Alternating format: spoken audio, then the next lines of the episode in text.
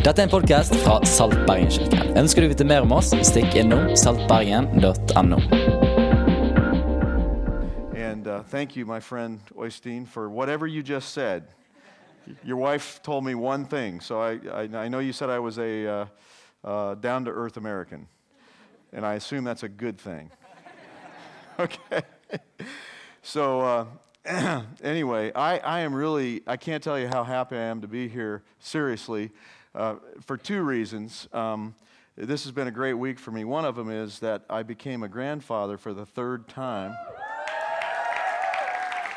Yeah.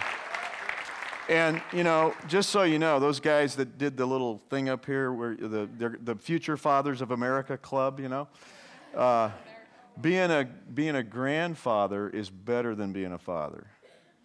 It really is. We, we like to say that, that grandchildren are, are God's reward for not killing your kids when they were teenagers. yeah. So I don't know if that goes over very well in Norway or not. But anyway, Okay, the other reason, now really it's like there are two great things that happened to me this, this week. That was one of them. And then there's one kind of negative thing that happened. The, the other good thing that happened was that um, I got to come to Norway for the first time. I've never been here before. And this is a beautiful country, a wonderful, I love it. And I am half Norwegian. I have, yeah. I have come to the mother country. but I also discovered that that really means I'm just half a man. because you guys are so macho. I mean, I've never been to a church. This is the first time in my entire I'm 57 years old. I've been in church all my life. I've never seen a, con, a, a feat of strength contest in a church. It's awesome. I've been texting my wife, honey, they do feats of strength here. I am such a wimp.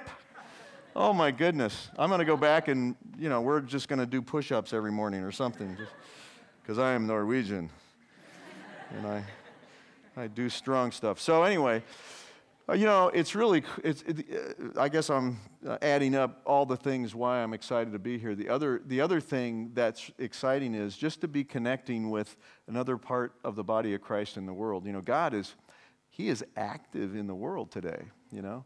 And you guys are, we're, we're relationally connected as part of this big movement uh, across the world.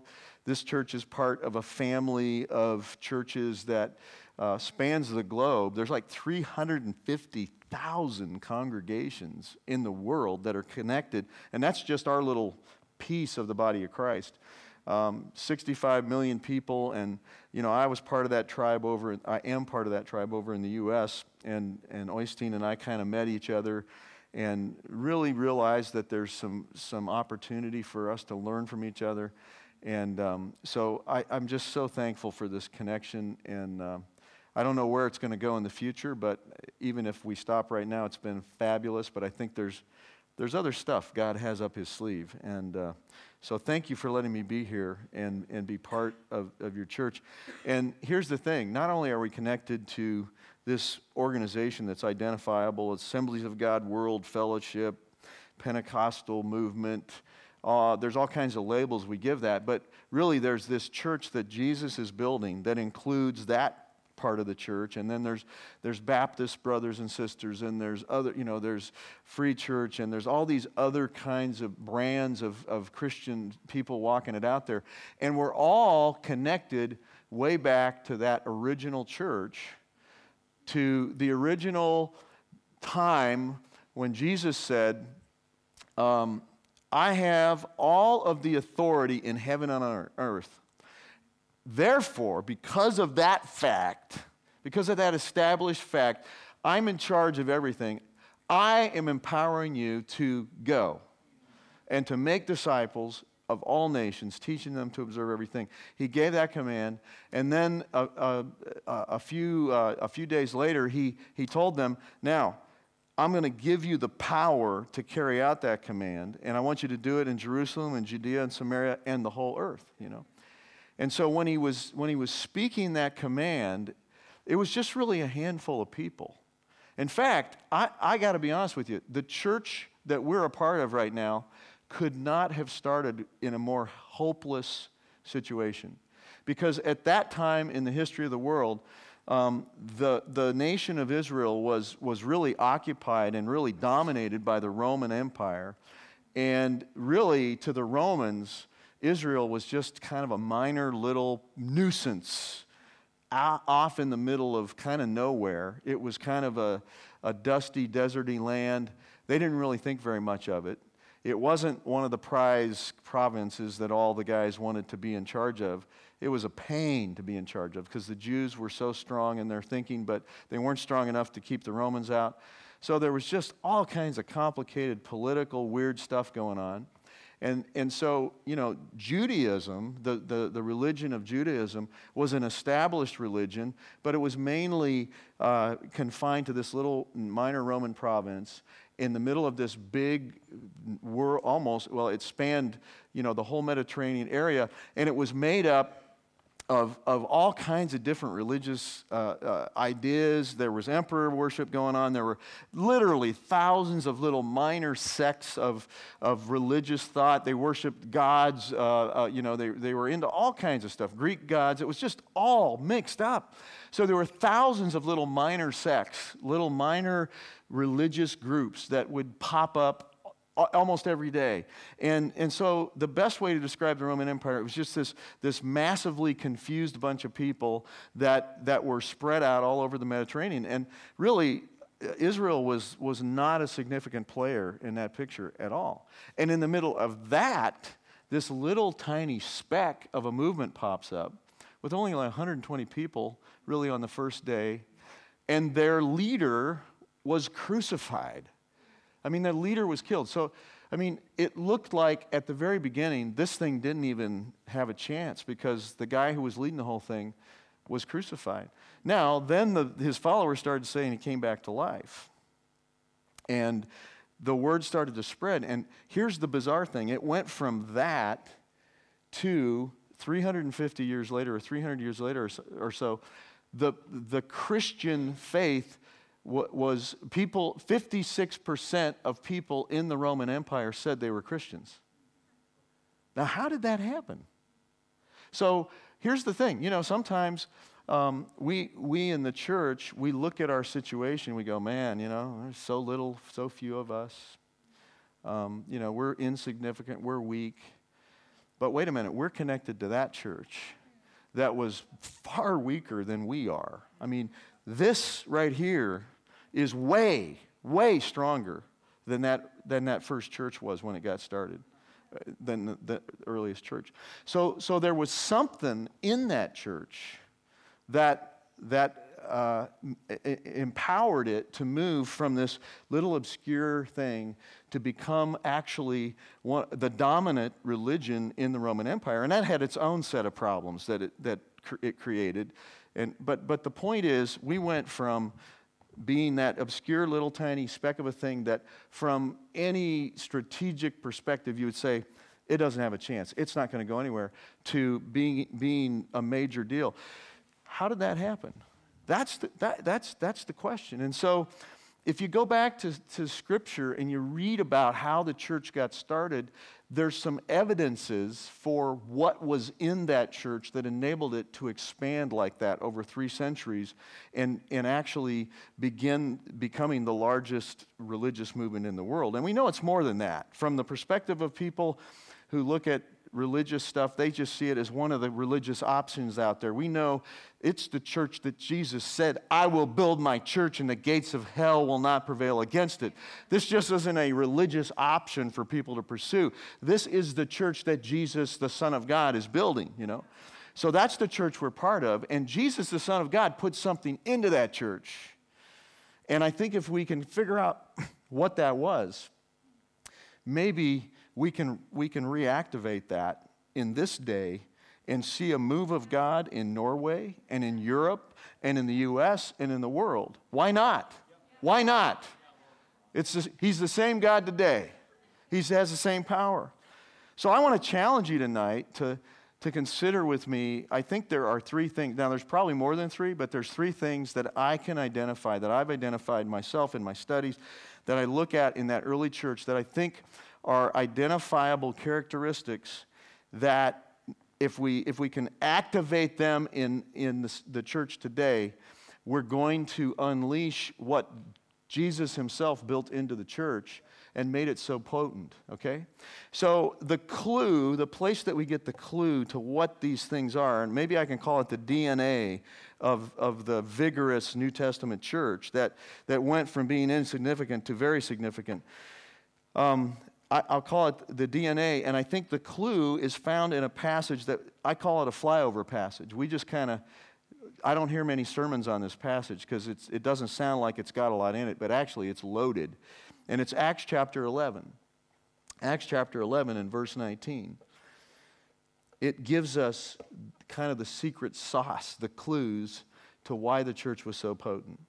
So here it is. It says in Acts chapter 11 and verse 19 Now those who had been scattered by the persecution that broke out when Stephen was killed traveled as far as Phoenicia, Cyprus, and Antioch, spreading the word only among Jews. Some of them, however, men from Cyprus and Cyrene, went to Antioch and began to speak to the Greeks also, teaching them the good news about the Lord Jesus. The Lord's hand was with them, and a great number of people believed and turned to the Lord. Now, you know right now why there's not many sermons preached on that passage. you know, it's just kind of a, yeah, okay, great. Some guys went, you know, what's the big deal?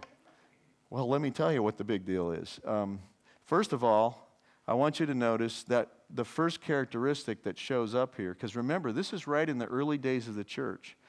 And we get a clue about what happened when it says, Now those who had been scattered by the persecution that broke out when Stephen was killed traveled Okay, there was persecution. Here's, here's what happened. So the church, they're in Jerusalem having a big party. They got filled with the Holy Spirit. They're speaking in tongues. Peter's walking around doing miracles. There's 3,000 of them. They're feeling pretty powerful. They're feeling, you know, like, wow, this is amazing. This is really cool. And then persecution comes. Now, what part of what was happening was uh, Jesus had said, go and make disciples in all nations. And he said, I want you to go to Jerusalem, Judea, Samaria, and the uttermost parts of the earth. They were stuck in Jerusalem. And so, you know, God loved them enough to say, okay, we're going to give you a little motivation to kind of spread out a little bit. And so, you know, uh, things happen. Stephen gets, gets uh, martyred, and the people went, whoa, and they took off. Now, here's what's fascinating is, they went to these other places. They went to Phoenicia, Cyprus, and Antioch. Those are the named places that we know they went. And it says they spread the word when they went. So the first characteristic that I start to that I see in this church is they were tenacious. Tenacious. If you don't know what that, I don't know if that translates, if, if that's easy to translate into Norwegian, but it's it's determined. It's never give up. It's Winston Churchill saying, never, never, never, never, never, never. You know, give up. that's, that's the attitude these guys had because they were persecuted and they did leave Jerusalem, but they didn't stop preaching the word. It was too compelling to them, it was too powerful. They went everywhere, it says, but they, they preached only, only to the Jews. So they, they did a great job of going out and they preached to people like them. And, and I'm going to get to that point in a minute, but I want to I wanna just camp for a second on this tenacious thing. What it means, what it means for us today. Um, I had a friend named Willard Coleman, and I, I guess you must have. T- did you say that I, w- uh, I planted a church in Utah? And okay, did you did you say that? Okay, you didn't say that, but you said you told him I was a Mormon. Thank you. Thank you. Do you guys know what Mormons are? You think you know what they are, but you know. I actually went to Utah and started a church in Utah amongst Mormon people. Now, that's, that was an interesting experience because what they believe is very different from what Christians believe, but it kind of sounds like the same thing because they use the same words that we do. And they're not evil, bad people. They just, they're, they're it, it's just confused. And so I want to make sure you understand. I love Mormon people. I am, I'm a fan. I love them. I love them. But I want them to know Jesus. and, and what I've found is, is sometimes when they're introduced to uh, what the church says about uh, Jesus, he's, he's just a different Jesus than the one that the Bible's talking about. So, anyway, the point is, I go there, and that's, you know, good for me. I go to Utah plant church. Well, here's Willard. Willard goes to a little town in Richfield, Utah, where there are 5,000 Mormons, and that's it. Everybody's Mormon. And he moves his family there. And they move into this town, and they're going to start a church. Okay? So, why did he do that? Well, number one, he told me very clearly. He said, God spoke to our heart and said, Go to Richfield and start a church. And so Willard packs up his family, gets some, some churches to support him, and they go move out to the. Now, Richfield is about, it's out in the middle of nowhere in Utah, and so it's about two hours' drive from any other town. It's isolated. So when he moved there, he was saying goodbye to a lot of things. And if, if he wanted to go somewhere else, he had to drive for at least two hours. And, and that's, so that's the kind of isolation he lived in. And so here's the thing for 20 years, 20 years, Willard and his family lived there, and they were trying to start a church. And on the absolute best, biggest day that they had for 20 years, which was an Easter Sunday, 19 people showed up. That was their biggest attendance for 20 years, and six of them were Willard's family. So that was not his family plus, that was the whole thing. That was, there were 13 other people there. So after 20 years, he had reached 13 people on the best day. Most of the time it was three or four, plus he and his family. Most of the time his family was more than the people that came. For 20 years. And there was a whole bunch of reasons for that. This was just a really hard place. The, the Mormon folks there were, were not very open to other people, and um, they gave him a really rough time. He ended up, the only place he could live was actually in this old church building that was about to fall apart. So they took their baths in the baptistry. They slept in the Sunday school rooms. That's where they lived, was at the church. It, it, it was just crazy for 20 years. And you know, after 20 years, there started to be some breakthroughs. Because what Willard does, what he got, he got a job at the hardware store and just served people every day, year after year after year after year after year. Okay? So I'm telling you the story really. Now, after 20 years, things started to break open, and today there's a thriving church in that town. Things turned, but it took 20 years before that really started to happen. Now it's still kind of a small church by American standards, a couple of hundred people in a town of 5,000, but God is doing great stuff. Now, I'm telling that story to say that's what tenacity looks like, and that's embedded in the church. It's in us, you know, it's in us and it's part of who we are. It's part of what God put in His church. That's what these guys, these guys had tenacity because they got persecuted and they went somewhere else and kept going. So, number one is, is make sure, make sure that you say, Lord, uh, I want tenacity. Don't ever stop doing the right things for the right reasons. Never give up because you're on the winning side. But, you know, I, I'm, I guarantee you, Willard didn't feel like he was on the winning side 10 years into it. 15 years into it. When his daughter started dating a Mormon guy, he felt like he was on the losing side. So it, it's tough. Um, it, it's tough. Expect it. It's not going to be this, you know, you're not going to be on the cover of some magazine. That's not the goal, okay? So, number one, uh, tenacity. Number two characteristic is reproduction. Reproduction, okay? They had a potent discontent with status quo. Because look what happened. Notice it says they were preaching only to Jews.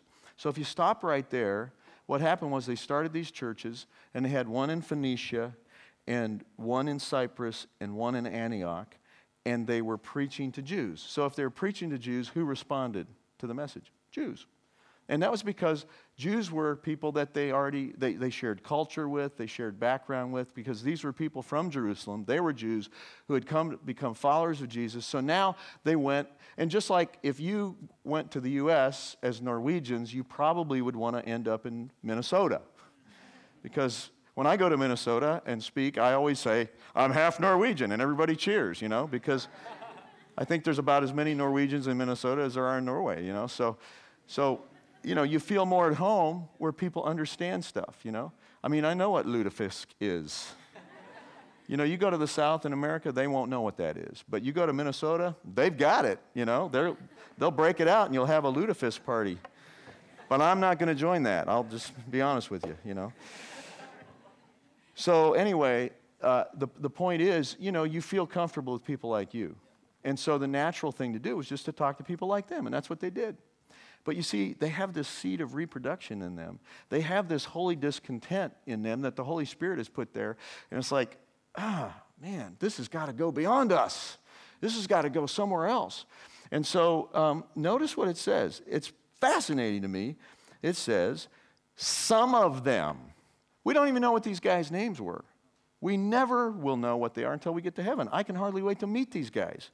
Because it says, some of them, however, men from Cyprus and Cyrene. Okay, wait a minute. There was a church in Phoenicia, a church in Cyprus, and a church in Antioch that was preaching only to the Jews. Where did Cyrene get into this? Where did that church get started? Well, it must, maybe, I don't know for sure, but I think maybe the guys from Cyprus went over to Cyrene and started a church there because, see, the church has reproduction built into it. That's why I'm so excited about what's happening with Salt Church. You guys just keep going. Well, let's see. We're there, we need more people. And, uh, you know, we don't have enough room here, so let's just go someplace else. Let's, let's keep going after more people. And that's what these guys did. But notice the, the group they selected to go after. It says they went to Antioch and began to, to speak to Greeks also. Greek culture was a whole different thing. In fact, it was a different culture than them. They had to cross over cultural lines and, and go out and, and reach out to people. And I think what happened was they looked and they said, wait a minute, God's word is for everybody, and we need to go after the missing. We need, we need to go after, after the people that aren't hearing the word, that aren't receiving the gospel. And that was kind of, that's kind of what was motivating us when we went to Utah, and it was kind of motivating this friend of mine named Doyle Robinson about 10 years ago, Doyle noticed that in downtown Denver, where I now live, there were lots of young people living on the streets. Now, they weren't living there because they were poor. They were living there because they were running from, they had been in homes where the parents maybe had gotten messed up on drugs or whatever. The parents just weren't doing a good job of taking care of them. So the Division of Family Services came in and said, you know what, we, you, you, we need to take your kids and, and put them in a safe place until you get your act together. And so they put these kids in um, uh, foster homes, and not all of those places were good places for the kids to be, so they'd run away.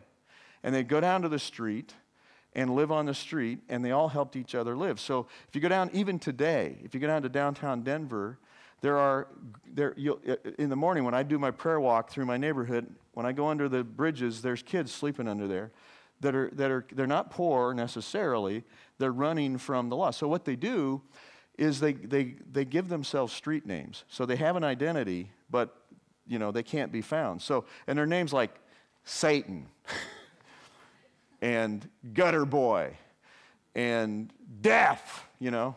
They're scary names. And they, you know, they spike their hair and they, they pierce themselves all up and they, they look, they look kind of kind of intimidating to your typical white uh, American people. And, um, but, you know, Doyle, Doyle went down, down there and saw these kids and he started talking to them. It just broke his heart when he heard their stories because they were just terrible stories. And he thought about, you know, he started trying to witness to them and he thought, where would I take these people to church? You know, they would not even, most churches wouldn't know what to do with them because uh, of their language and, and their lifestyle and their behavior.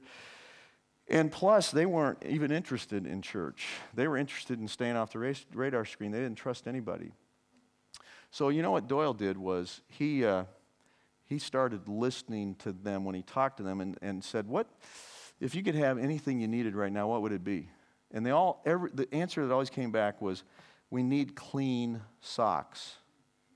Because when you wear the same socks every day for a long time, they get hard and crusty and your, it, it hurts your feet. Your feet just hurt.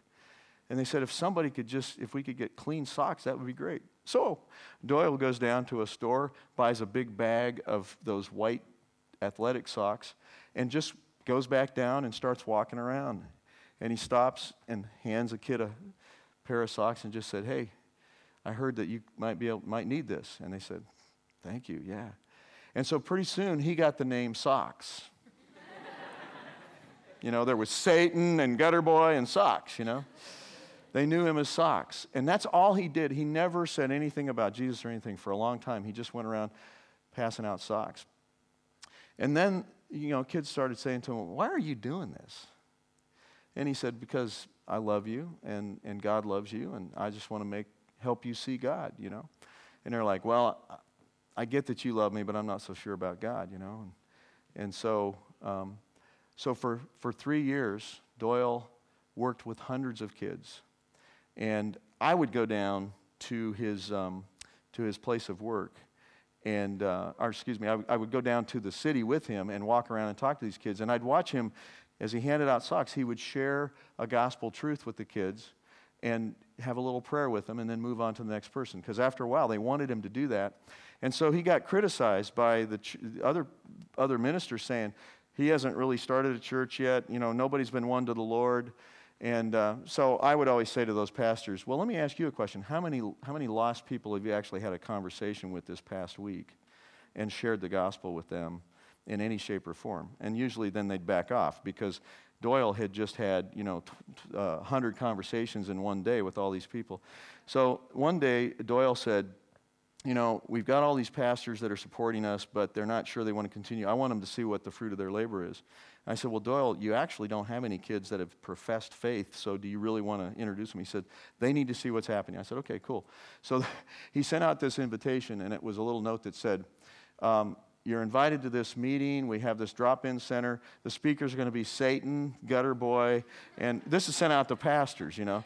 And I, he didn't consult with me on that, and I, kind of wondered about whether that was a good idea, but it actually got a, a, ton of pastors there. They, so I guess if you want to attract pastors, you tell them Satan's going to be the guest speaker, you know, so just kind of keep that in the back of your mind. So, um, so, so Gutter Boy was kind of the, the ringleader of the whole bunch, and, and Gutter Boy had this amazing mohawk. I mean, it was like a foot high, and it was all different colors, you know. And he had like major earrings, and he was just, just uh, you know, art, uh, art on his body was incredible. He was just amazing looking and very intimidating looking. Big, muscular guy with this big mohawk, and he got up. He was the first speaker, and he got up and he said, "Well, I don't know what I think about God." But this guy loves me, pointing to Doyle. And he said, I just want to thank you guys for making it possible for him to be here because this is the first person that's ever loved me in my whole life. And, you know, we're a bunch of pastors, and we're like,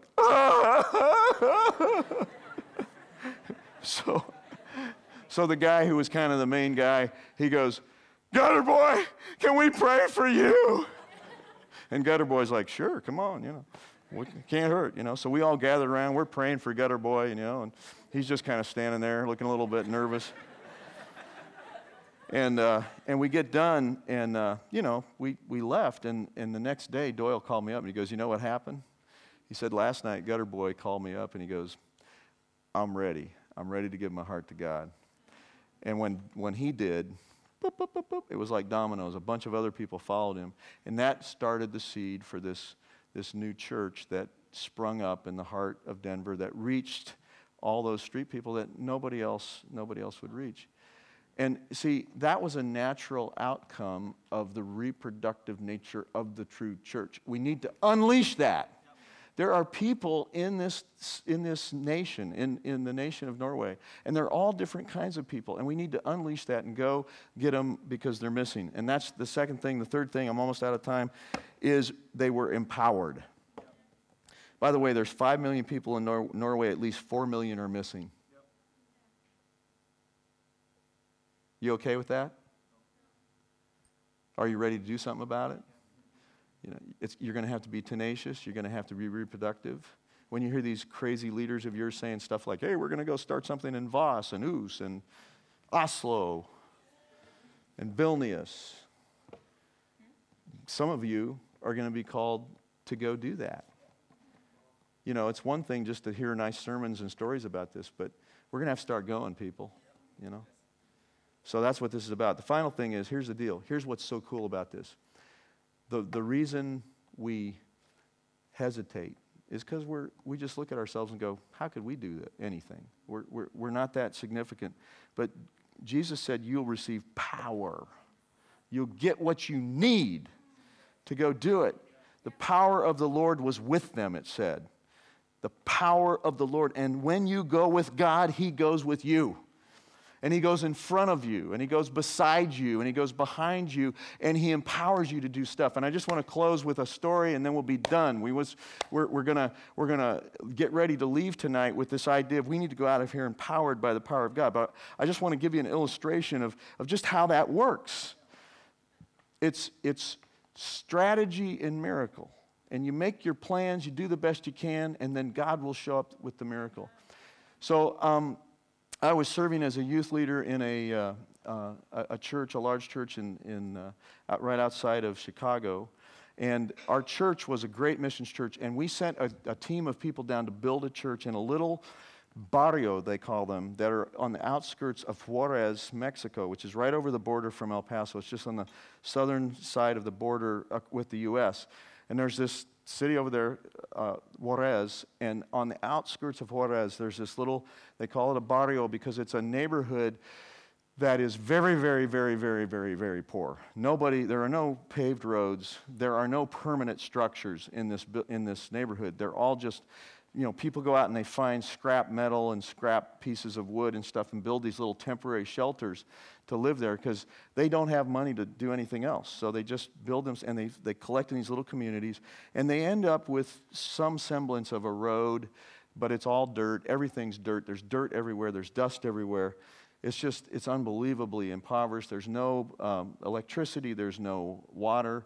It's just really scary. So we decided to, we got a request from a missionary who said, Would you guys please build a building here that's permanent so we can at least have a place for the church to meet and for school to happen? We'd like to teach these kids, have a place to teach the kids that we can bring them in and have, you know, some semblance of civilization. And so our, our, the people from our church went down there, built this, this building that was the only permanent structure in this neighborhood, about a five mile radius. It was the only building there with thousands and thousands of people living all around.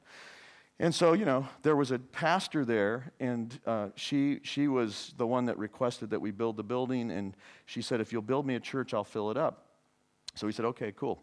So about six months later, she called me up as the youth pastor, and she said, I, I, I, would like you to bring a team of students down here to help us with an evangelism program we have. And I said, I'd be happy to do that. Tell me a little bit more. Well, she said, if you'll just come down and be prepared to sing and, and you know, do some things to attract people, then, you, know, that, that'll be really helpful. And I said, okay, cool, we can do that. Now, I was, uh, this church I was at, all the students were headed to the best schools. These were very wealthy, wealthy American kids and they were all going to be going to Harvard and Yale and all these Ivy League schools, and those are the kind of students these were. So these kids were incredible. They could just, they, they could sing, they could dance, they could do all kinds of amazing stuff. And so, you know, we just said, hey, we're going to go down there to Mexico and draw crowds by, you know, doing all this amazing stuff. And they jumped right on it. And we had all this great, cool stuff planned. And about a week before we left, um, I started thinking we probably should have something for children. We, most of the stuff we were doing would be attractive to teenagers and young adults and stuff. And so I thought we, we at least need to have something for children. So I sent a kid down to the Christian bookstore and we got this is going to date this story because it was a cassette tape. Anybody know what a cassette tape is? okay, a few of you, yeah. Those are the same people who know what a telephone booth is. Okay, so Anyway, so the cassette, you know, we got this little cassette tape, and we had a little cassette player, they call them boombox, you know, and, um, and it was in Spanish. And we knew it was Christian, and it, we knew it had two voices on it, one at a time. So that was the extent of our puppet show, was one puppet would move its mouth while the one voice was going. The other, none of us knew Spanish, and we didn't know what it said. So we just hoped it was Christian, because we bought it at a Christian bookstore. So let me just put it this way that was definitely our weakest link. Okay, that was not everything else. We had these other things I would have been proud to be on, you know, America's Got Talent or something like that. But this, no way. Okay, so so we had that, and we get on the bus, and we had this we had this air conditioned like cruiser bus. It was not like an old school bus. It was like the, the reclining seats, air conditioned, stereo. You know, these kids were used to having it good, you know. And we jump on the bus and we drive down. It's about a 24 hour drive, or more than that, I don't know, 30 hours, whatever. We drove all the way down there. And we finally arrived and we're pulling in. And first of all, I started to realize we were in trouble when I realized we're in this air conditioned luxury cruiser bus, and nobody in this town even has a car, you know. And all the roads are dust, and now I'm worried about us getting the bus stuck in the. Uh, and I'm thinking, oh man, this is not the right way to get here. And what are we saying by driving in here and this thing? You know, it's just, I was freaking out. Then I got off the bus and I went over to the, to the pastor and I said, okay, we're here. How, how, you know, what do you want us to do? And she said, well, would you, you know, we want you to go and visit people in the neighborhood and ask them to come. We have an evangelist here tonight. He's going to start at 7 o'clock. The service starts at 7 o'clock. We have a worship team. It's all going to be in Spanish. All you guys got to do is invite people to come. I said, okay, we, we can do that. I said, now, uh, will you be sending some people from the church with us to do that? And she said, well, nobody comes to this church. I was like, okay. we don't speak Spanish. How are we going to invite these people? Do you have any flyers printed? No, I don't have any flyers. So, how do you think? I said, why has nobody come to this church? And she said, well, it's because this little community is dominated by a group of communists. And they've told everybody in this area that this building was built by American capitalist pigs. And that if we, if we, if people go to this church, they're going to be uh, exploited by the American capitalist pigs. And I looked at our air conditioned cruiser bus full of American capitalist pigs. And I said, We're the problem. Why would you ask? I was kind of, I was trying not to be mad, but I was like, This is a waste of time. This is going nowhere. I mean, it was like New Testament church in obscure Roman province. There's no hope here. She said, Well, I said, Why did you ask us to come if we're part of the problem? And she said, God told me to ask you. It's like, okay, I can't really argue with that. Oh, so I said, okay, well, so I got the kid, I didn't know what to do. I got the kids off the bus. We went in to the little church building. I had them get in the church building and I explained to them the situation. I said, does anybody have any idea what we should do? Because I sure didn't have any idea what we should do. And this kid goes, I think we should pray. that is a good idea. At least it'll buy us a little time to figure something out. Now, we had been praying you know, we had been praying for six months since we decided to come. And it was prayers like this Oh, dear Lord God Almighty, we are just so thankful that you have blessed us immensely. You know, all this big yada yada junk. They were not prayers that had any power. These prayers had power. These kids were scared. I was scared. We we're like, oh God, help us. You know, it was the best kind of prayer you can pray.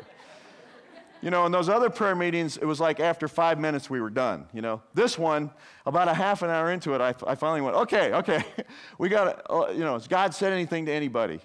And this kid goes, God, God spoke to me that we should use the puppet show.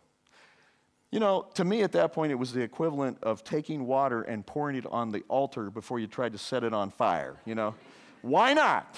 Let's just make it even harder. Yeah, because that was like the worst thing we had. But I just thought, yeah, why not? Let's do it. I, am I'm, I'm out of ideas. God told you that. Let's try it. It can't hurt. So, not with a whole lot of faith in my heart, went out there. We set up the little puppet stage. We started the thing. The, the two people were doing this. 60 kids are standing around praying. They at least were praying, you know. And so, you know, it didn't look like it was going very well because about 10 minutes into it, basically we had two dogs and one kid and then the two dogs scratched themselves and left. So then we just had one kid. So it was, it was not looking good. But then, little by little, over about 15 minutes, we kind of gathered a little crowd, and then some adults started showing About 20 minutes into it, I had no idea how long the little puppet show was, you know. It's like, when is this going to be over? But anyway, so, you know, then people started coming, and I thought, okay, uh, something, something good's going on. When all of a sudden, down one of these little dirt streets, this little truck started coming. It was a little Toyota truck, and it had this enormous loudspeaker on the back of it. And it was saying something in Spanish, you know. So I turned to this kid that was our translator. I said, What is that? He said, It's the communists. I said, What are they saying? He said, They're telling them you guys are American capitalist pigs and you're going to enslave them into capitalism, blah, blah, and that they should not do whatever you're asking them to do. And so the, the, uh, you know, the, the thing's getting closer. Our little puppet sound thing was getting drowned out, and the, the, the sound of the communist speaker was getting louder and louder and louder when all of a sudden the sound just stopped. It just went dead silent. And then you could just hear our little puppet show. And, and I turned to the translator and I said, what's, what's going on? He said, Their speaker broke. Okay, so remember, um, Jesus said to the disciples one time, He said, Now, when you're in the public area and you're not sure what to say, don't worry about that because I'll tell you what to say. I'm going to be there with, I'm going to empower you. You're going to be out, you're going to be sent out uh, like sheep among wolves. You're going to feel like you're the underdog. You're going to feel like it's impossible. But right when you need it most, I'm going to show up and I'm going to tell you what to do. And so I can't, all I know is into my brain came, I said, okay, I know, it was like I knew what to do. I looked at the kid and I said, okay, I want you to la- yell as loud as you can in Spanish that God broke that speaker. So he went, ah, ah, ah, ah. and everybody kind of stopped and looked back. And I said, now tell him the God that broke that speaker is going to be down in that church building in 15 minutes. Blah, blah, blah, blah. Everybody, hmm. And then he said, and I said, and tell them to go get their friends and to bring them with them because the God that broke that speaker is going to show up in power tonight in that building. And so he yelled it out, and everybody, and I, I after I said that out loud like that, really boldly, I went, what if God doesn't show up? I mean, I just, you know, we're people of, we, we are people, we, we, we, we try to have faith, but sometimes we're just, wow, what just happened here? So, so sure enough, they all went and got their friends, and that building was so full that night of adults that we had to take the poor kids outside and show them the puppet show again, you know, because there wasn't room for the kids. That night, there was a guy that was in town that was one of the notorious individuals in that town that was always, he had a, a serious alcohol problem, and he was always beating his wife and his kids. That night, he was gloriously, completely, unquestionably set free from that addiction by the power of God. Every night that week, that building was full of people, and they date the founding of that church to the day that God broke the speaker. Now, what does that have to do with, with you? Well, everything. Everything. Because you look at your situation here Four million people? Really? Are you kidding me? Are you kidding me? That's impossible. But you got to remember what you're part of. what you're part of. That, ch- that little church in Jerusalem looked at the situation. If they had thought about it in reality, they would say, There's no way. We're done already. But they weren't, and you're not. You need to be tenacious, activate that. You need to be reproductive, and you need to be empowered.